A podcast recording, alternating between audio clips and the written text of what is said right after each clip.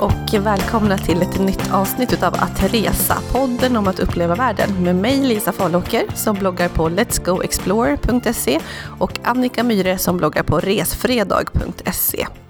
Idag sitter vi på Downtown Camper i ett av deras konferensrum som är så himla härligt, precis som hela hotellet. Vi har pratat om det tidigare och suttit här i lite olika hotellrum och, och poddat, vilket brukar bli väldigt bra för det är väldigt ombonat och mysigt. Konferensrummet här är lite större, superhäftigt, men kanske, kanske lite tuffare åt ljudet, så ni får ha överseende, men vi trivs i alla fall otroligt bra här på Downtown Camper i centrala Stockholm som är ett eh, hotell med väldigt tydlig aktivitetsinriktning. Det känns lite så här äventyrligt bara att gå innanför dörrarna här. Och det känns som att det passar väldigt bra med just den gäst som vi sitter här tillsammans med idag, som är Jonny Friskele, som eh, bloggar på en blogg som är, ja det kan vara Sveriges svåraste bloggnamn att uttala, fast nu när du väl sa det själv så var det inte så himla svårt. Nej, alltså min blogg den eh, kallas Johnny Bajan och det är ju Jonny då som är mitt förnamn. Och så Bajan som uh, syftar på länder som ligger lite längre bort. Jag har ju haft en del resor i Azerbajdzjan till exempel. Så då snodde jag bara den ändelsen. Det är mer stavningen kanske som gör att det ser väldigt svårt ut att uttala. Ja, det är svensk stavning på det där. Hade jag haft engelsk stavning på Bajan så hade det varit mycket enklare. Okej, så hur stavas det så att man vet hur man hittar dig sen på din blogg? Ja, det tror jag nog ingen kommer komma ihåg efter jag har sagt det. Men J-O-H-N-N-Y B-A-J-D-Z-J-A-N. Toppen. Men Jonny, du har ju kopplingar till alla möjliga världens hörn, men du är ursprungligen född i Norge, men bor här i Sverige nu. Eh, kan inte du berätta lite om din bakgrund och hur du hamnade i de här länderna som vi faktiskt ska prata om idag? För temat på det här avsnittet är att resa till långt bort i stan. Och jag och Lisa, vi har inte jättestor koll på de här länderna som då klumpas ihop till långt bort i stan. Och när jag själv skulle då förstå var det här namnet kommer ifrån, jag googlade på det innan, och Långt bort i stan kommer förmodligen första gången från Kalle Anka-tidningen, där Dumbo är huvudfigur och då pratar man om ett fiktivt land i Kalle Ankas universum som ligger långt bort från Ankeborg. Eh, och på engelska då far off i stan. Och det är liksom typ så långt bort man kan komma i ett land som är, eller ja, konstigt. Och du hamnar i de här konstiga länderna, den här klumpsumman. Hur kommer det sig? Hur jag hamnade här. Alltså jag kommer ju från Norge först, som du sa. Och eh, till Sverige så kom jag 2002. Då hade jag eh, pluggat klart min bachelor och jag hade läst en del ryska och läst en del historia, statsvetenskap. Och sen flyttade jag till Sverige för att jag ville fortsätta plugga. Det var ju med norska studiebidrag då 2002, en stark norsk krona och en svag svensk krona så tjänade jag, hade jag ju jättemycket pengar. Uh, så att uh, bo i Norge då, nej det var dyrt och uh, ska jag fortsätta plugga i norra Norge? Nej, kallt också. Eh, uh, Medan flytta till Stockholm, ja direkt tåg från min hemstad Narvik. Tjänade 20% bara på valutakursen, allt mycket billigare här, mycket bättre här. Och sen blir det ju som det gärna blir när man är, ja, jag var 23 år gammal. Uh, man får vänner, saker händer, plötsligt sitter man där med lägenhet och så vidare och så vidare. Och uh, ja, jag är fortfarande här. och Eh, hur det började med stanländerna, det har ju också lite med min utbildning att göra i och med att jag läste ryska. Och läser man ett språk så blir det ju liksom ja, relevant och kanske enklare att resa till ett land där man pratar det språket. Uh, hade jag läst spanska, ja men då kanske jag hade surfat runt i Latinamerika eller Spanien mycket mera. Uh, men nu när jag läste ryska så blev det till att jag uh, började resa i länder där man pratade ryska. Och det är ju liksom, förutom Ryssland, hela förra, ja, förra tsarväldet och Sovjetimperiet efter det. Och sen när de länderna blev självständiga 1991 då kunde ju inte jag ryska, men nyfikenheten började liksom komma när jag hade läst språket och kommit fram till att ja, men jag vill se lite mer av världen än Narvik och Stockholm. Och just det här med stanländerna. Eh, det tycker jag är lite roligt att prata om just nu för att Lonely Planet, jag vet inte om du har sett det Jonny, men de har kommit med ett uttalande, eller vad ska man säga, att de har utsett regionen Sidenvägen till bästa stället att resa år 2020. Eh, så allra, allra högst i topp utav jättemånga häftiga resmål. Eh, och nu är det ju inte direkt så att du hoppar på den här trenden för att det var trendigast 2020, för du har åkt dit i väldigt många, många år, har jag förstått. Eh, så nu får du hjälpa oss här att eh, reda ut det här lite grann med vilka är egentligen stanländerna och hur förhåller de sig till Sidenvägen? Och sen såklart med din dragning till området. Om vi ska börja med de här lite stora penseldragen så får vi pinpointa lite närmare sen. Ja, om vi ska börja med Lonely Planet kanske, för de hade ju en, eh, ja, inte en undersökning, men de har ju skrivit om ja, resetrender vart man ska resa 2020. Och sen har ju svenska tidningen Vagabond refererat Lonely Planet då i, i Sverige. Uh, och det gör man ju gärna. Och ja, för det första så är jag ju inte förtjust i sådana här resetrender som upprepas egentligen. Uh, därför att, ja, varför ska man åka till, alltså till sidenvägsområdena, stanländerna, just 2020? Jo, men det är för att det har blivit enkelt. Men varför ska allt vara så enkelt? Det, ehm, så visst, det är enklare med visum nu om man bygger ut infrastruktur massor. Samtidigt så är det ju liksom tio gånger flera turister nu än det var för 15 år sedan. Eh, vilket är jättebra för de ländernas ekonomi förstås. Men trender och trender, jag vet inte. Jag skrev, eh, nu när jag fick inbjudan till den här podden då och ni nämnde Lonely Planet så gick jag tillbaka till min egen eh, text på min blogg som jag skrev i januari 2019 om resetrenderna och varför vi inte skulle följa dem. Men det roliga var att jag spådde en resetrend för 2020 och då skrev jag Uzbekistan. Uh, och det är ju liksom mitt på, uh, mitt på sidenvägen. Um, och när det kommer till vad Sidenvägen är, alltså Sidenvägen är ju för det första, det är ju inte en väg, utan det är ju bara ett, ett samlingsbegrepp egentligen.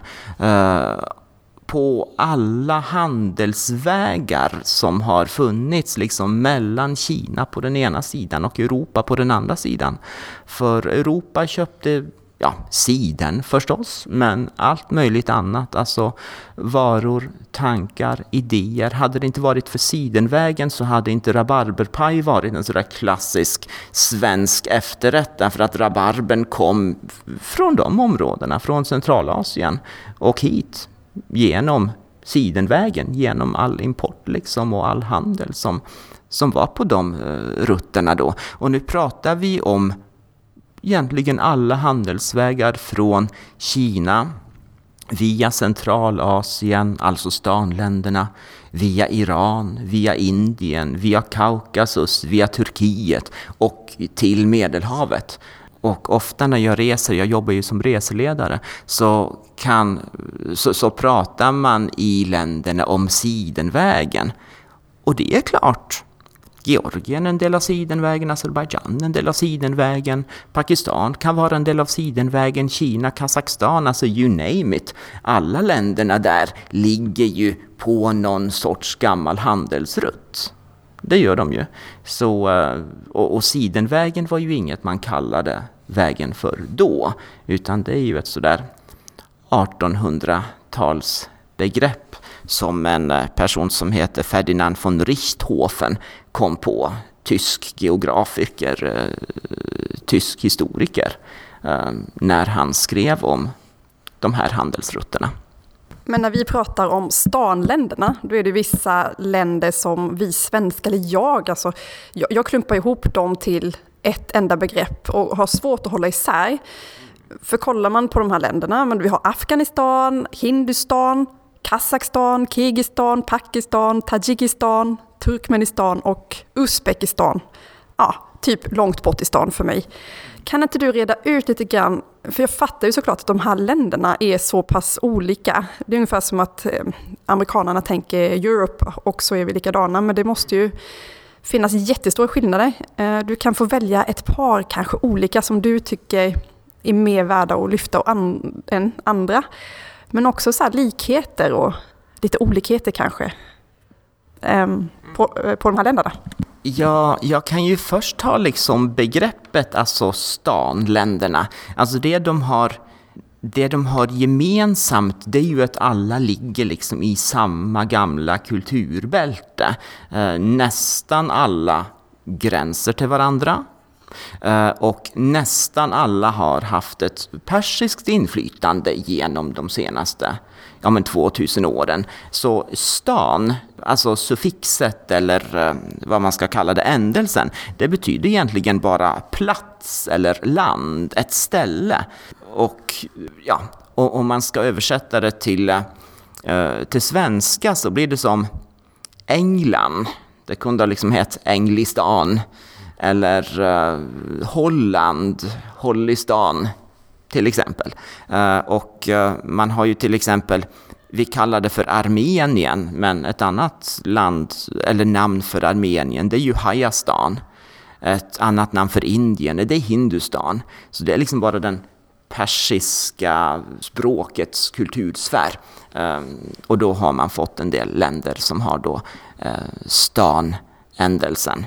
Och sen välja något av stanländerna, alltså det är ju, det är ju svårt. Ehm, fem av stanländerna, det är ju liksom gamla Sovjetrepubliker. Och då har du ju Turkmenistan, Uzbekistan, Tadzjikistan, Kirgizistan och eh, Kazakstan. Det var ju de jag började resa i först och det var 2003 när jag var där första gången. Och det som, det som kännetecknar de länderna det är ju att ja, går vi tillbaka 500 år, ja men då har de varit inne i en persisk kultursfär. Sen har de ju från slutet av 1800-talet varit inne i en rysk kultursfär och blivit ryssificerad. Och hade det inte varit på grund av det, ja men då hade ju jag liksom inte åkt dit 2003 efteråt, för då hade det, jag reste ju för att liksom träna språk helt enkelt och samtidigt se något nytt. Ja. Men om jag ska dra fram ett utav de stanländerna så skulle jag nog dra fram um, Tadzjikistan.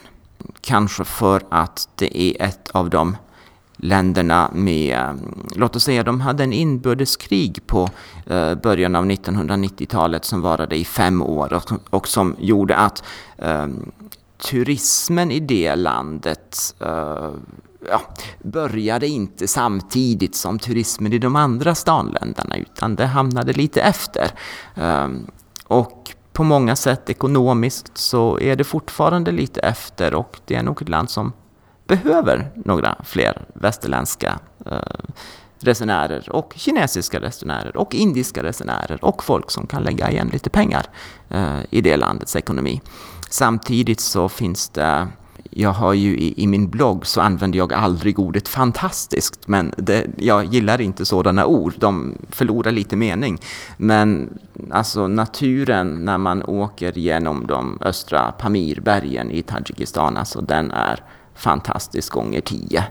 Uh, riktigt härliga naturupplevelser man kan ha i det landet. Samtidigt som man känner att uh, ja, som man känner att det inte är man, man går liksom i, inte i fotspåren, i fotspåren på uh, uh, 5000 andra personer just den dagen utan man kan vara lite själv också. Och eh, hur skulle du beskriva naturen? För att inte använda adjektiv, liksom show not tell, uh, så är det klart smala vägar, branta berg, uh, man kommer upp in i verkliga fjällmassiv där man ser liksom toppar på 6-7 tusen meter i bakgrunden, liksom i horisonten med ja, snötäckta toppar då förstås. Och sen kan man, står man själv uppe på kanske 3500-4000 meter då, och man ser mil efter mil efter mil. Det är fåglar, det är små blommor som överlever där uppe. Det är ju liksom ingen skog utan det är ju bara öde, alltså viddor. Fantastiskt. Eh, man känner sig rätt så liten som människa när man är där och det är ja, en riktig naturupplevelse.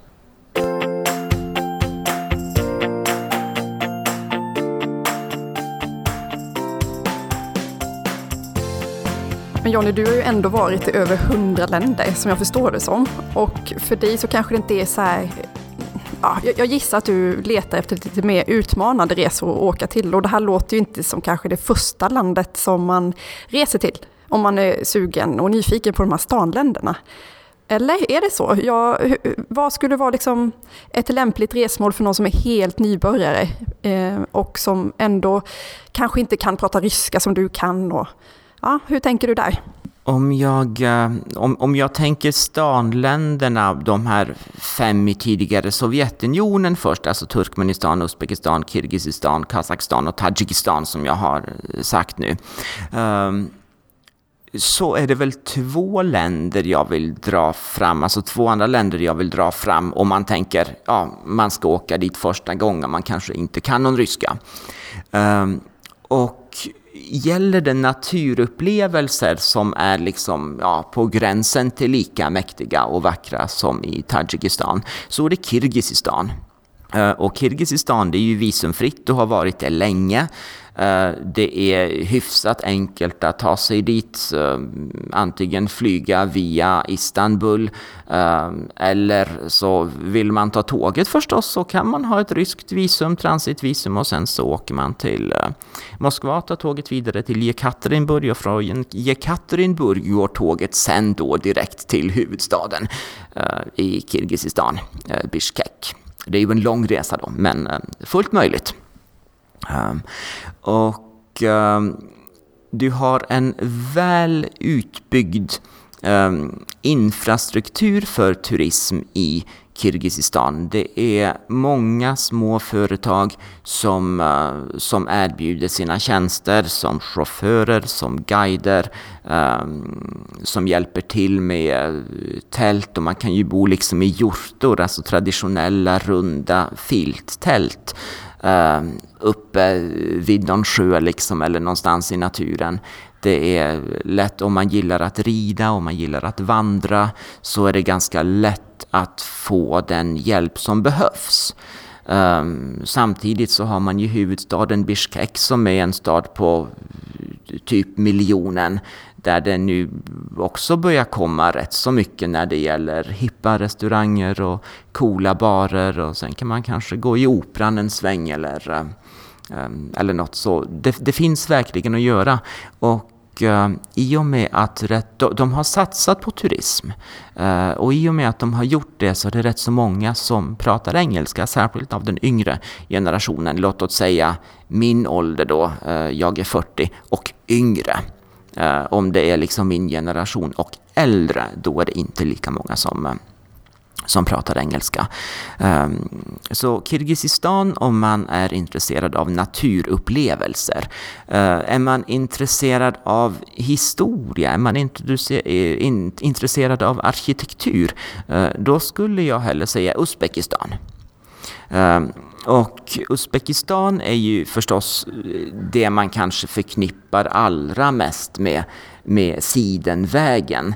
Eh, därför att här var det ju på, eh, på 1200-talet, 13, 14, 1500-talet eh, och in, länge innan dess också. Det var ju de här historiska städerna Samarkand, Bukhara, Shiva som ju blev jätterika och mäktiga och kunde bygga praktbygg eh, efter praktbygg och som fortfarande de står idag, de många utav de här. Och det var ju på grund av Sidenvägen, för var man på Sidenvägen så tog man ju tuller och avgifter för varor som passerade. Så att man hade ju riktigt um, storhetstid, 1400-talet till exempel. Ehm, och eh, och Samarkand är det ju liksom många som har hört, eller alla har väl hört talas om i, i Samarkand i Sverige, åtminstone på grund av en sång. Um, och Bukhara är det inte så många, lika många som har hört talas om i alla fall, men uh, det är ju en stad som är väl så vacker, om inte ännu vackrare, än Samarkand.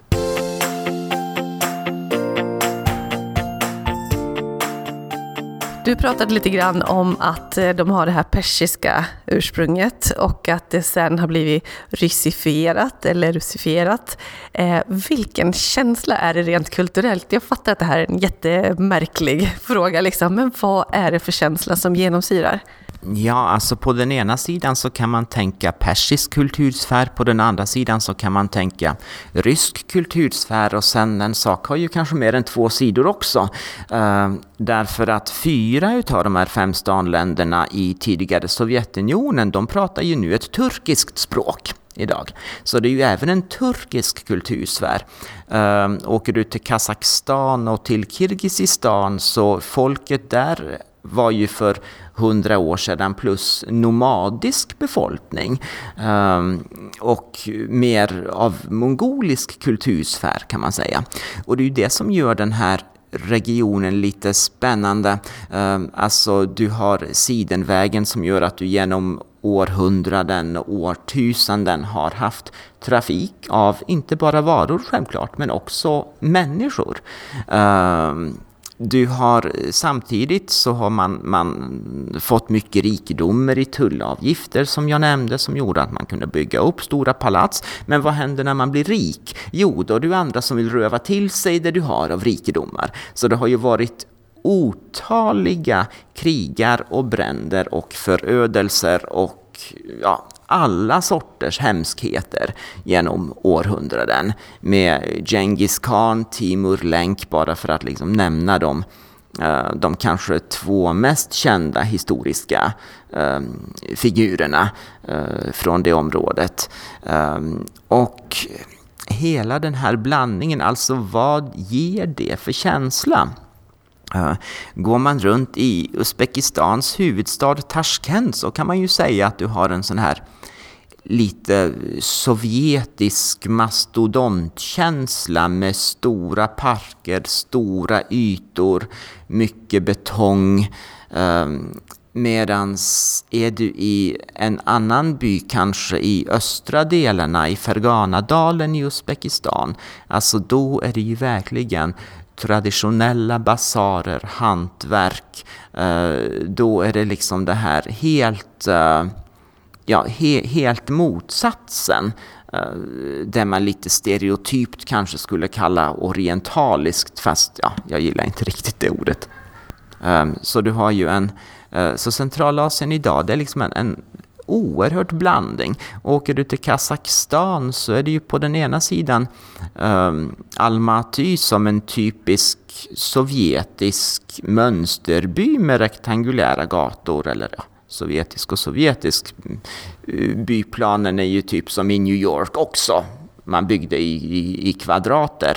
Um, Medans inte så långt därifrån så kan man hälsa på eh, önjägare och man kan dricka fermenterad komjölk liksom som tillhör en helt annan eh, tradition eller kultursfär.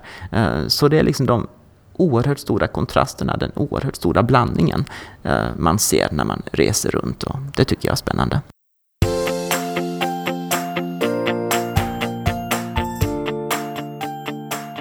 Nu har du tipsat lite allmänt om olika länder, vad som passar och sådär. Men om man frågar dig, liksom Jonny, vilken är din personliga favorit och varför?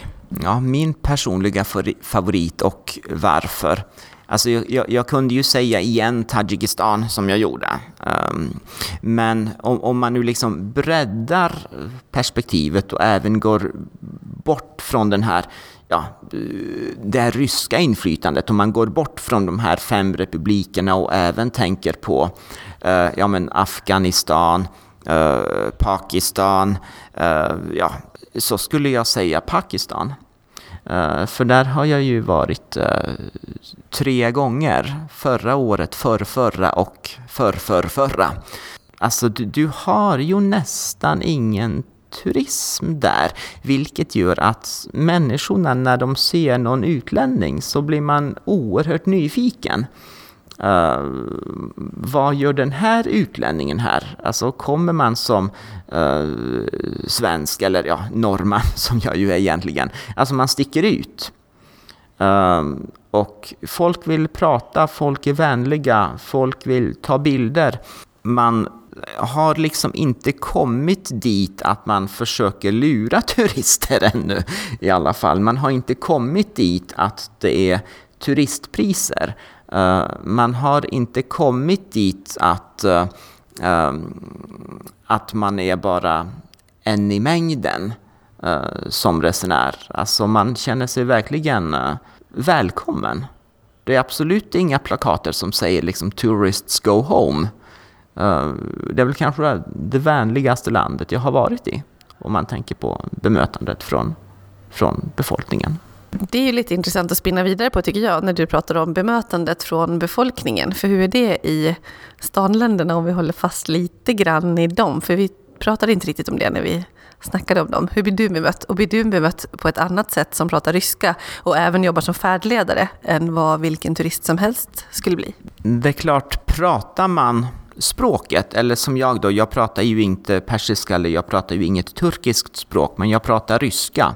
Och det förstår nästan alla när man är i Uzbekistan och, och Kirgizistan och så vidare. Um, och det är klart, pratar man ett språk som man förstår där, då är det ju mycket enklare. Allt går ju mycket enklare, allt går ju mycket smidigare.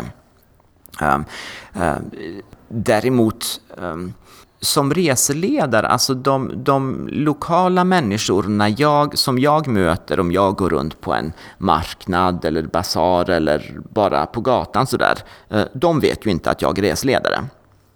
Ehm, och de vet ju heller inte vilket språk jag pratar eller inte pratar. Ofta så tror man ju kanske att jag pratar ryska, de tror att jag kommer ifrån Ryssland.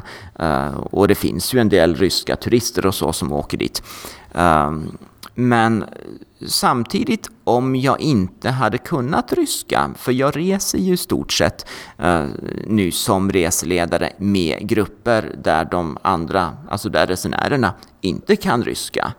Och när de har sina lediga dagar och går runt själv på stan, det är inte så mycket problem de möter, absolut inte. Ehm, så det går, alltså så är man i en grupp så där så går det ju alldeles utmärkt. Ehm, och jag känner ju också, vi har ju två resebloggarkollegor till exempel, eh, som även var i Uzbekistan i våras och som köpte tågbiljetter och som eh, tog sig runt på egen hand utan att ha en färdledare vid sin sida. Ehm, så det går bra, absolut. Sen är det ju förstås andra länder som är enklare att resa i. Det är det. Men som jag igen sa, varför ska allt vara så enkelt? Det är väl det som är lite av det roliga också. Så får man en berättelse sen när man kommer hem om det där totala missförståndet eller vad det nu kunde ha blivit. Just det, och de resebloggarna som var där med dig, det var ju Sofia från Fantasiresor och Katarina på Äntligen Vilse. Så förutom din Johnny Batjan, som jag säger fel igen känner jag, så kan man kika in hos dem också för att få inspiration om Uzbekistan.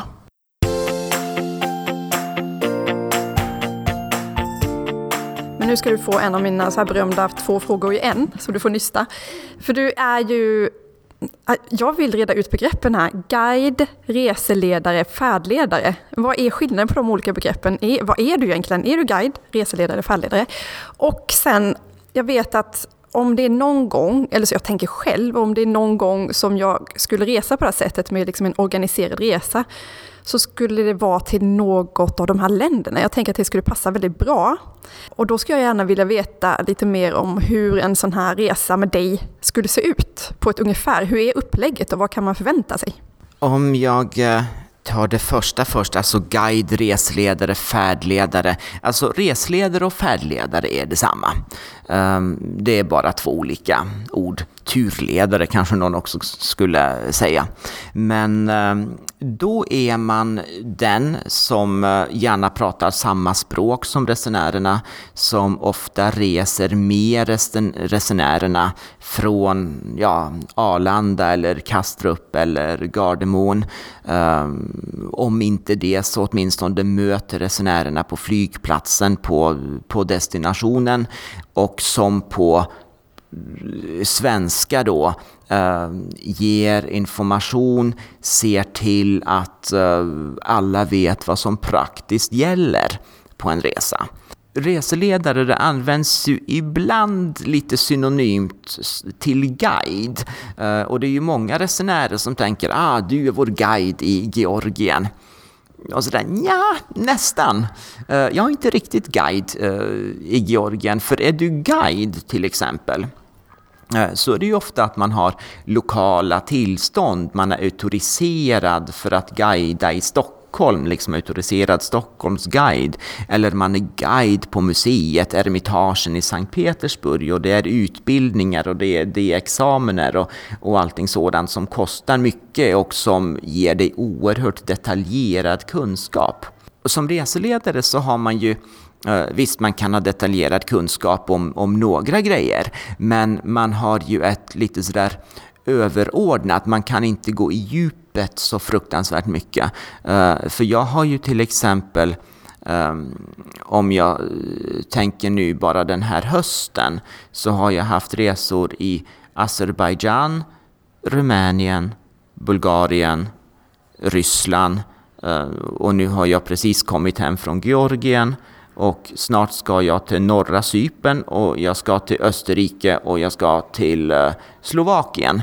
Och det är klart, jag kan inte alla detaljer och berätta allt ifrån liksom gamla kungahus till nutida hälsoförsäkringssystem i de här lokala länderna. Utan det är lokalguidens ansvar. Det är liksom lokalguiden som Ehm, som pratar och har den djupa informationen om just eh, det specifika landet som man är i och, och, och eh, om hur det är att leva där.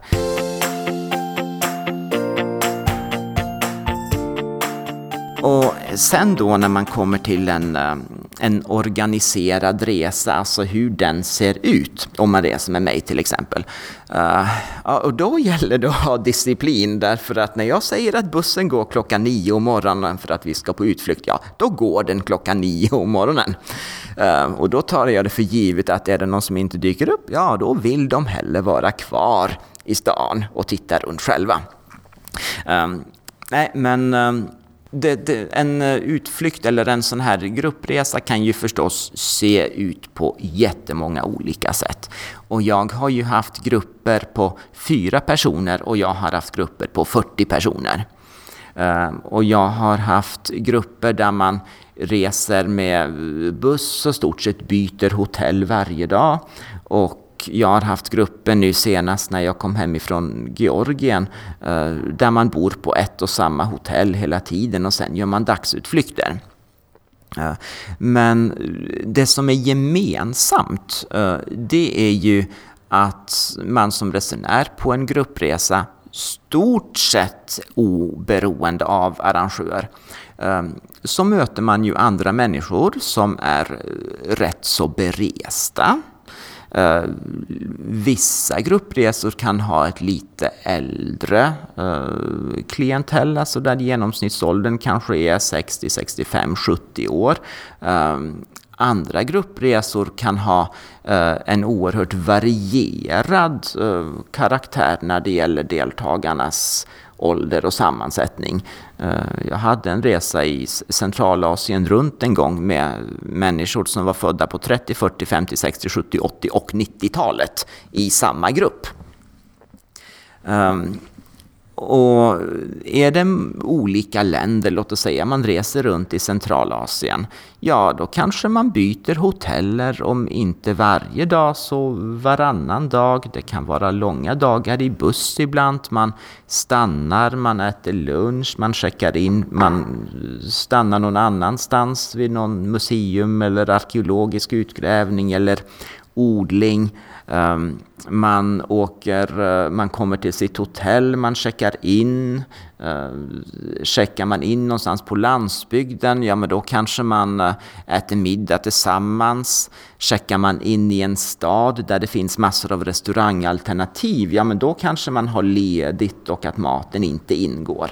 Det man får tänka på, det gäller ju att är man på en gruppresa, ja men då har man ett program. Och innebär det att vi ska åka 20 mil imorgon och bussen går klockan 9, ja då innebär det att man ska åka 20 mil imorgon och att bussen kommer gå klockan 9. Ehm, så man får ju liksom, eh, tycker man extra mycket om ett ställe, ja men då går ju bussen ändå. Ehm, så man har ju liksom ett, ett helt program att förhålla sig till. Ehm, reser man själva, ja men då kan man ju avboka och omboka hoteller och flygbiljetter och bussar och allting sådant på ett helt annat sätt än, eh, än det man kan nu. Du pratar lite grann nu om olika åldrar och att det faktiskt är ganska spritt. Men jag undrar också, vad är det som driver de här personerna som åker och vilken typ av människor är det? Och tror du att det kommer ändras? Nu är det trendigt. Kommer det vara de som, jag vill göra något nytt, något coolt, wow, någonting som inte så många har gjort? Eller är det så här en dragning till den här kulturen vi har pratat lite grann om, eller naturen? Eller vad är man ute efter? Ja, vad är man egentligen ute efter? Eh, många som reser, det är ju, alltså för det första så är det ju ofta mycket beresta människor. Eh, det är människor som har rest själva. Eh, det är alltifrån de som var lite småhippies på 60-talet och åkte i en Volkswagen-buss genom Afghanistan och ner till Indien och sen är det de som har, ja, men de har rest mycket själva när de, var, eh, när de var yngre. Nu är de lite äldre och de har kanske pengarna och tycker det är skönt att någon annan organiserar. Ehm, sen är det ju de som har varit yrkesaktiva hela sitt liv, har inte kunnat ta så mycket semester och nu är de pensionärer och nu har de faktiskt ledigt och de eh, verkligen väljer att resa. Nu vill de se världen innan det är för sent. Ehm, sen är det ju eh, oerhört stora skillnader också på vem som, eh, vem som reser. Det är klart, på vissa resor då kan det vara för att man har ett specialintresse. Eh, man vill gärna se liksom den just Uzbekistan därför att det är Sidenvägen. Eh, uh, Medan andra resenärer och resor jag har haft, haft, då kan det vara att, eller ja, låt oss säga på samma resa så kan det vara någon som Ja, men de råkade se den här annonsen och de hade ledigt då och det ser väl roligt ut. Eller det var den enda resan som passade Eh, enligt liksom vårt schema. Så det är oerhört stora skillnader alltså mellan folk och folk varför de väljer att, eh, att resa på en specifik resa. Eh, om, man tänker de lite dyrare resorna som är Eh, som kanske går genom flera länder och där några länder man behöver visum till dem, då kan det gärna vara en mycket större variation. För då är det också yngre människor som är i jobb och som tänker att nej, jag har inte tid, lust eller ork att organisera allt det här själv. Så då betalar jag hellre några kronor för att någon annan gör det.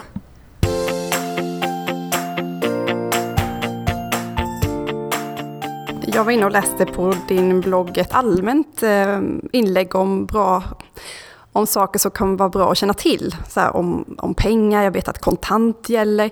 Kan du ge några såna snabba tips på, eller inte tips, men liksom bra att veta inför en resa till de här länderna? Ja, om, om man tänker stanländerna, om man tänker Centralasien, så eh, visst, man får tänka på att ha med kontanter. Eh, därför att på några affärer, lite större affärer, då kanske det funkar med ett kort eh, och betala med kort, men absolut inte säkert. Och samtliga marknader som man går till, ja men då är det ju ingen som tar kort. Eh, så liksom, det är kontantekonomi som gäller. Och då kan det också vara bra att ha med sig hela och rena sedlar i kanske 50 50 eller 100 euro eller dollar valörer. Uh, eh, ibland om man kommer med lite mindre pengar eller valörer så är det inte alltid de blir så jätteglada. Um, något annat som jag tror man får tänka på det är ju bara att vara ja, open-minded och öppet för det som kommer hända. Uh, därför att ja, men, man, man har till exempel levt i en planekonomi i 70 år när det här var en del av Sovjetunionen. Och då är kanske alltså där lönen inte har varit prestandabaserad. Uh, vilket gör att många kanske inte har den här servicekänslan. Man ser inte att uh, ett leende kommer ge mer pengar i kassan. Eh, så man får liksom eh, veta det på något sätt. Att ja, men eh, servicen är kanske inte på, på ett femstjärnigt hotell i, i Tashkent detsamma som den hade varit på ett femstjärnigt hotell i, i Paris eller Barcelona eller London. Um, annars, ja, ha med uh, toapapper i handbagaget brukar jag säga, för det är inte alltid det finns. Ehm, och det är inte alltid toaletterna är till att sitta på, de kan vara till att stå på. Ehm, och då är det viktigt att kunna det. Ha med lite alkogel i väskan också. Kan vara bra att ha. Det är inte alltid det finns tvål. Så enkelt är det. Men, men helt enkelt det allra, allra viktigaste tror jag är bara att ha acceptans för att saker händer, acceptans för att vägarna är inte som hemma och bussen kan lätt punktera. Ja, men då går det en timme och en halv, två timmar innan det är fixat och man kan åka vidare igen. Det är så det är. Eh, så eh, ja, nej men det skulle väl vara mina huvudtips tror jag. Sen kanske det finns mera på bloggen. En liten, liten kort fråga bara om prisläget i länderna. För jag förstår att om man åker på en arrangerad rundresa så kostar det kanske ganska mycket att ta sig dit och de här länderna ligger ändå, du pratade om mellanlandning i Istanbul och så. Men när man väl är på plats, mat och dryck, leva, transporter, hur eh, står det sig? Ja, så tänker man prisnivån, eh, en, en gruppresa så där till Uzbekistan kan ju ligga på 12-13 000 Eh, Medan en, en rundresa i hela Centralasien, ja men det kanske ligger någonstans mellan 35 och 50 000. Så det är klart, det är ju absolut pengar. Inte att det blir så fruktansvärt mycket billigare att skulle göra det själv. Eh, det blir det inte nödvändigtvis, om man nu inte är expert på att hitta kampanjbiljetter och så förstås. Eh, när man väl är på plats, är du till exempel i Uzbekistan så kan du Eh, på vissa ställen får du en öl för 4 kronor. Eh, på andra ställen får du en öl för 30 kronor eller 40 kronor. Därför att de senare åren så har det ju varit en explosion av turism kan man säga och priserna har ju gått fruktansvärt mycket upp um, i Uzbekistan. Um, så att ett hotell som kanske kostade Eh, 500 kronor natten för tre år sedan. Det kan kosta 2000 kronor per natt nu om man nu går in på booking.com. Ehm, sen har ju förstås också mängden hotell blivit större så man hittar nog något i, en, en, ehm, i den budget man har oavsett. Men Uzbekistan är ett land där prisläget är på väg uppåt. Eh, därmed inte sagt att allting är dyrt. Alltså är det ändå dyrt för ja, 30 kronor för en öl eller 50 kronor för en huvudrätt på en restaurang. Nej, vi tycker kanske inte det i Sverige. Sen att det hade kostat mycket mindre för några år sedan, ja, det är en annan sak. Åker man till eh, Kirgizistan och går runt på um, en marknad eller till Tadzjikistan och går runt på en marknad Ehm, jag köpte 12 par lokalproducerade strumpor på en marknad i Kazakstan och det var 20 kronor. Så absolut, det kan vara billigt. Ehm, köper man, ja, vi är ju på sidenvägen och låt oss säga att man köper siden, handvävt siden. Ehm, är du på en lokalmarknad i i östra Uzbekistan, ja men då kanske det kostar 30 kronor metern. Fast samma siden i liksom turistgatorna i Bukhara, den kostar 200 kronor metern. Eh, så det är oerhört stor, eh, stor skillnad. Eh, men när det är sagt, allting är relativt billigt. Många resenärer säger att det är svårt för pengarna att gå åt.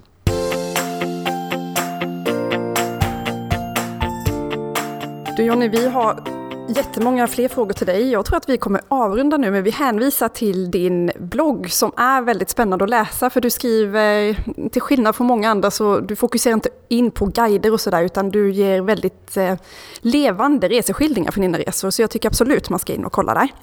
Eh, du får gärna berätta var man hittar dig förutom på bloggen, och sen vill jag också veta, dina nästkommande reseplaner? För någon liten fågel viskade i mitt öra att du har väldigt spännande planer för 2020.